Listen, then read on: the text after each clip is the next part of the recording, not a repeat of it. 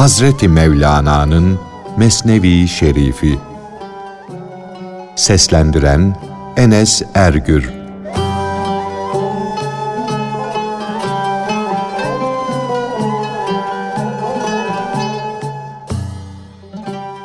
Tam akıllı ile yarım akıllının, tam adam ile yarım adamın ve hiçbir şey olmayan mağrur kötü kişinin belirtileri.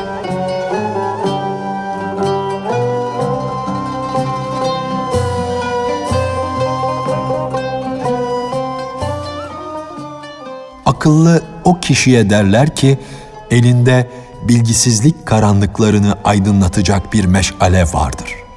O meşale ile öne düşer, hak yolu yolcularına kılavuzluk eder. O öne düşen aslında kendi nurunun peşine düşmüştür. O kendinden geçmiş bir halde kendisine uymuştur. O kendisine inanmıştır. Ey hak yolunun yolcuları! Siz de onun ruhunun feyz almış olduğu nura inanın. İkincisi yani yarım akıllı olan da bir akıllıyı kendine göz edinmiş, yani akıllı kişiyi kendi gözü gibi bilmiş, ona uymuş kişidir.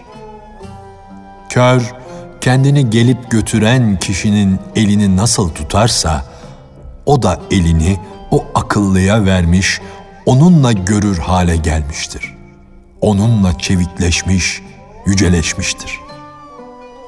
Bir arpa ağırlığında bile aklı olmayan, eşek gibi bir kimse ise hem kendisinin aklı yoktur, hem de bir akıllıya uymaz. Az çok bir yol da bilmez. Fakat böyle olduğu halde yine de bir kılavuzun arkasına düşmekten utanır. O bitmez, tükenmez çölde ümitsiz olarak bazen topallaya topallaya, bazen de koşa koşa gider durur. Bir mumu, bir kandili yoktur ki önünü görsün. Hatta yarım bir mumu bile yoktur ki ondan bir nur dilensin. Aklı yoktur ki diri gibi, diri bir insan gibi nefes alsın. Yani dirilikten dem vursun. Yarım akıllı da değil ki kamil bir akıllının önünde kendini ölü sansın. Yani ölü gibi ona uysun. O akıllıya karşı tam bir ölü haline gelsin de yani candan halis müridi olsun da oturduğu yerden daha yücelsin, yükselsin, olgunlaşsın. Ey aklın noksan olan kişi! Özü sözü diri bir akıllıya sığın da ona ölü gibi teslim ol. Böyle olmayan kişi diri değildir ki Hz. İsa'ya hemdem olsun. Ölü de değildir ki İsa'nın ölüleri dirilten nefesi ile dirilsin. Onun kör ruhu her tarafa adım atar, sıçrar durur ama yine de kurtulamaz.''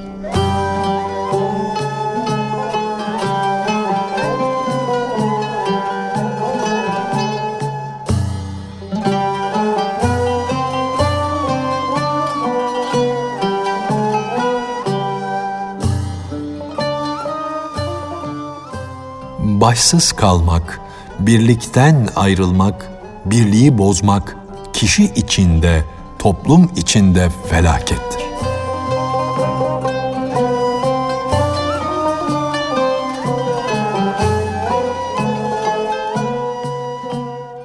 Bir ordunun esası şüphesiz ki başında bulunan kumandandır. Çünkü başında emiri bulunmayan toplum başsız beden gibidir. Ey gafil!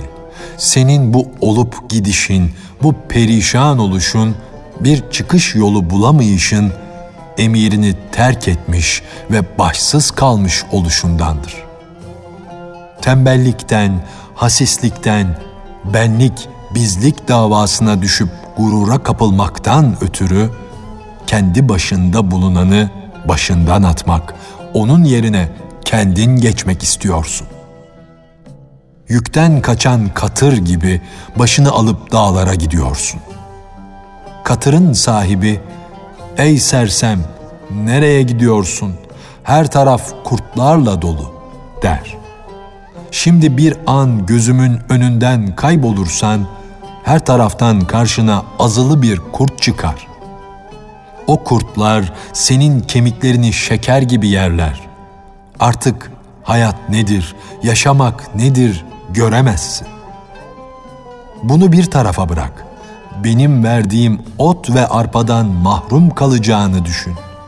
Yanan ateşe odun atılmazsa ya söner ya da kül olur gider.''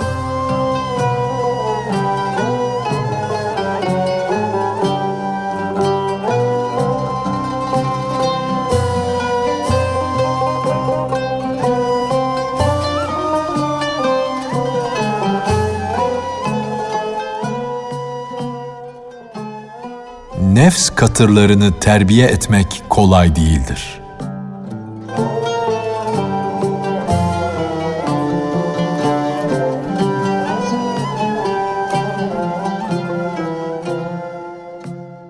Kamil mürşit müridine diyor ki, kendine gel, benden kaçma, ağır yük yüklememden çekinme, senin canın yani manen yaşamanın sebebi benim.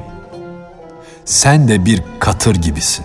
Hem de nefsin aklına üstün gelmiştir. Ey kendine tapan, yani nefsinin isteklerine uyarak hayvanlar gibi yaşayan gafil. Sende insanlıktan çok hayvanlık sıfatı vardır. Hüküm üstün gelenindir.'' Bu sebeple sana insan değil, hayvan denilmek gerekir. Mustafa sallallahu aleyhi ve sellem cefa ile dolu nefis katırlarını korumak, bakmak, onları yola getirmek için Hakk'ın bir imrahuru idi. Cenabı Hak, gelin, yeminizi, suyunuzu azaltayım da sizi terbiye edeyim diye buyurdu. Resul-i Ekrem de ben baş çeken hayvanları alıştırırım. Ben at terbiyecisiyim dedi. Hayvan gibi olan nefislerini terbiye edinceye kadar o katırlardan çok tekmeler yedim.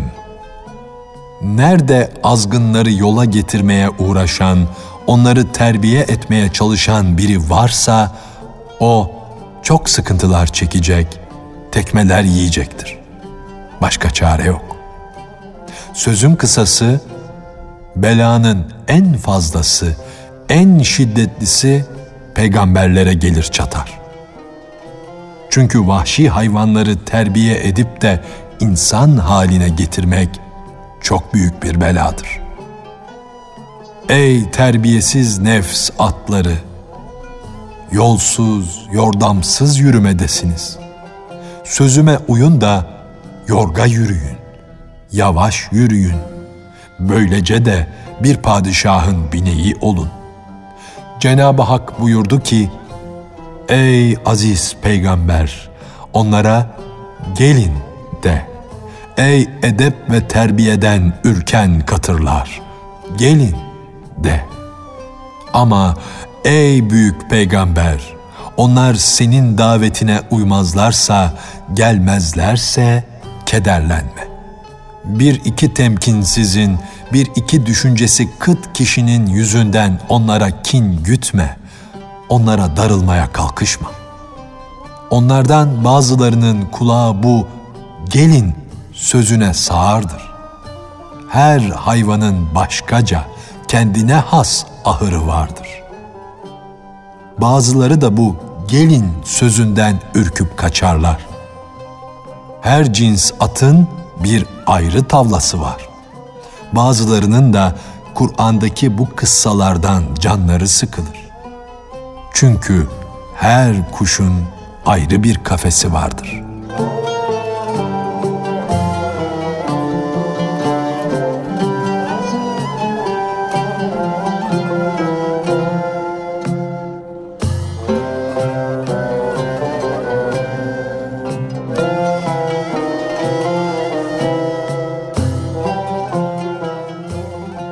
İnsanların çeşitli görüş ve müşahadeleri hissi gözdedir.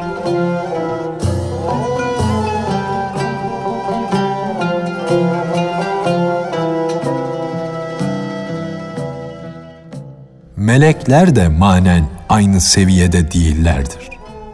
Birbirlerine benzemezler de. Bu yüzden gökte saf saf olmuşlardır. Çocuklar da bir okula koşarlar. Bir okul içinde olmakla beraber sınıfları ayrıdır. Ayrı ayrı ders okurlar.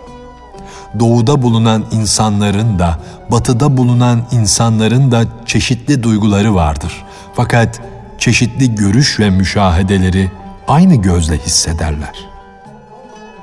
Eğer yüz binlerce kulak saf olup dizilseler, onlar yine de gören bir göze muhtaç olurlar. Sonra kulakların da can sırlarını, ilahi kelamı, peygamber buyruklarını işitmekten başka bir vazifesi vardır. Yüz binlerce göze bunları duymaya yol yoktur. Hiçbir gözün işitmekten, hiçbir kulağın da görmekten haberi yoktur. Sen böylece her duyguyu bir say. Hiçbiri öbürünün işini göremez. Beş dış duygu ile beş iç duygu on saf olmuş, meleklerin saf saf oluşu gibi kendi mertebelerinde durmaktadır. Din safından kendini bilgili ve üstün görerek baş çeken kişi, benliğe kapılınca kendi bulunduğu saftan daha gerilere gider. Bulunduğu mertebeden aşağı düşer. Ey yol gösteren kamil insan! Ey aziz Peygamber Efendimizin varisi mürşit! Sen geliniz sözünü az söyleme. Daima halkı davet et. Bu söz istidadı olan kimselere pek yararlıdır. Adeta manevi bir kimyadır. Eğer bakır sanatlı bir kişi senin sözünden ürker kaçarsa yine de o sözü, o kimyayı ondan esirgeme.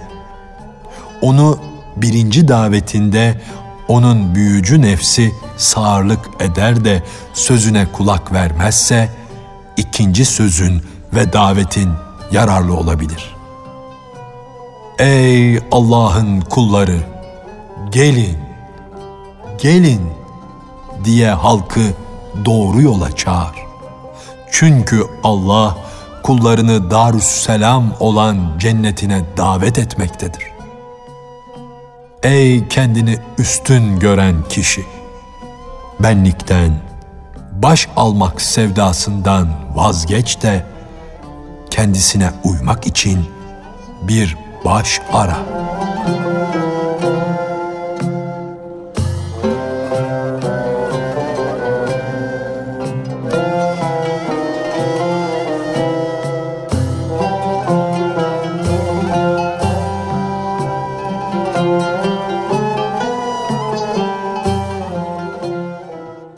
İnsanların ruhları beden zindanında mahpustur.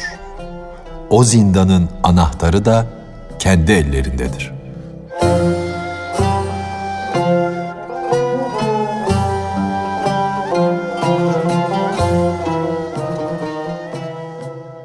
İnsanlara bak ki gözlerini nasıl karanlık bürümüş.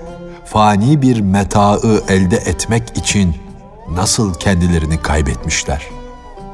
Hepsi de kendilerini beğenmişler, hırs ve tamah yüzünden darmadağın olmuşlardır. Allah'tan ve Allah'ın emirlerinden ayrılmışlar, birbirlerine düşmüşlerdir. Ruhları ölmüş de yalanla, hileyle, iki yüzlülükle yaşıyorlar. Şaşılacak şeydir ki onların ruhları zindanda mahpus, o zindanın anahtarı ise kendi ellerindedir. Bu hal şuna benzer ki bir kişi ayağından başına kadar pisliğe batmış bulunuyor, eteğinin yanından ise bir akarsu geçiyor. Öyleyken o adamın yanı başındaki akarsuda yıkanıp temizlenmek aklına bile gelmiyor.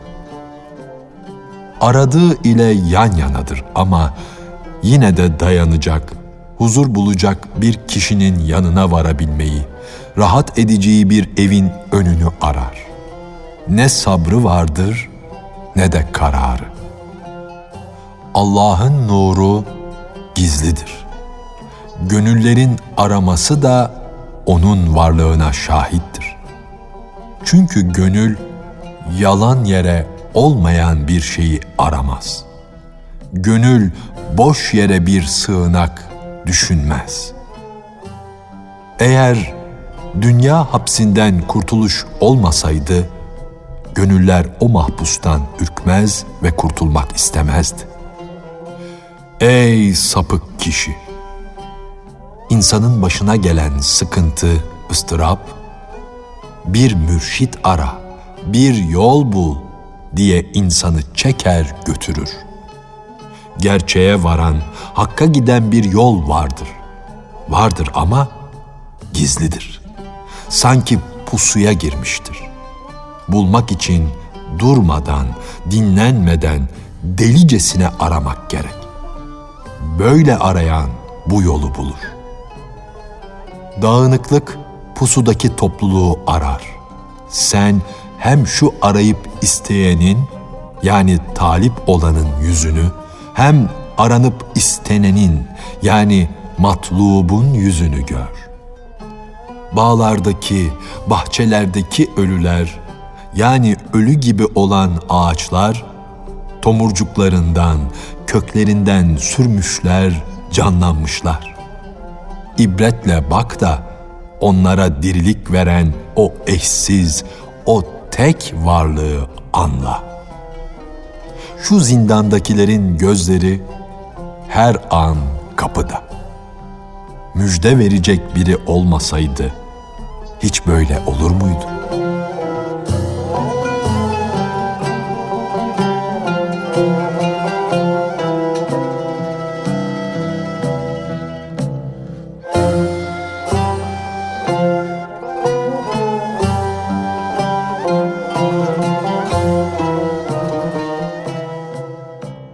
Ağaçların sararmış yapraklarına bakma da olmuş elmalarını devşir.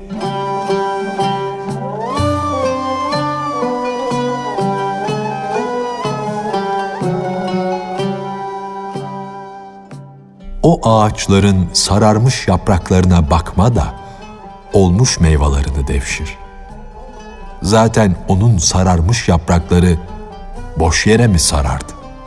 Onlar elmaların olgunluğunun kemale geldiğinin belirtileridir. Bir ihtiyarın sonbahar yaprağı gibi olan sararmış yüzü, ağarmış saçları onun aklının olgunluğunu haber vermektedir. Yeni çıkmış yemyeşil yapraklar ise o ağacın meyvelerinin ham olduğunun belirtileridir. Her şeyden vazgeçiş, azıksızlık azığı ariflik belirtisidir. Altının sarılığı sarrafın yüzünü güldürür, benzini kızartır. Gül yanaklı, bıyığı, sakalı yeni terlemiş olanlar, marifet okulunda henüz yazı öğrenmeye başlayanlardır. Onların yazdıkları harfler düzgün değildir, eğri büğrüdür. Bedenleri çevik olsa, hızlı koşup dursalar bile akılları azdır. Fikirleri tembeldir.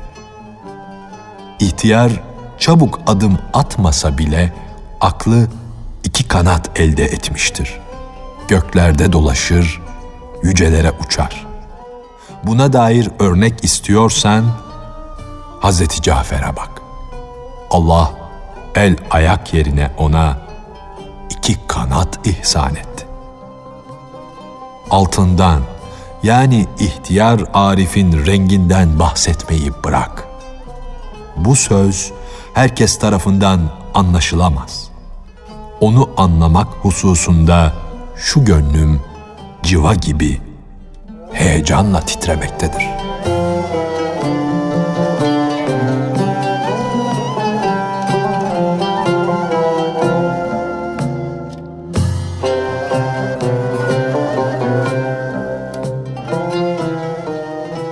Hazreti Mevlana'nın Mesnevi Şerifi. Seslendiren Enes Ergür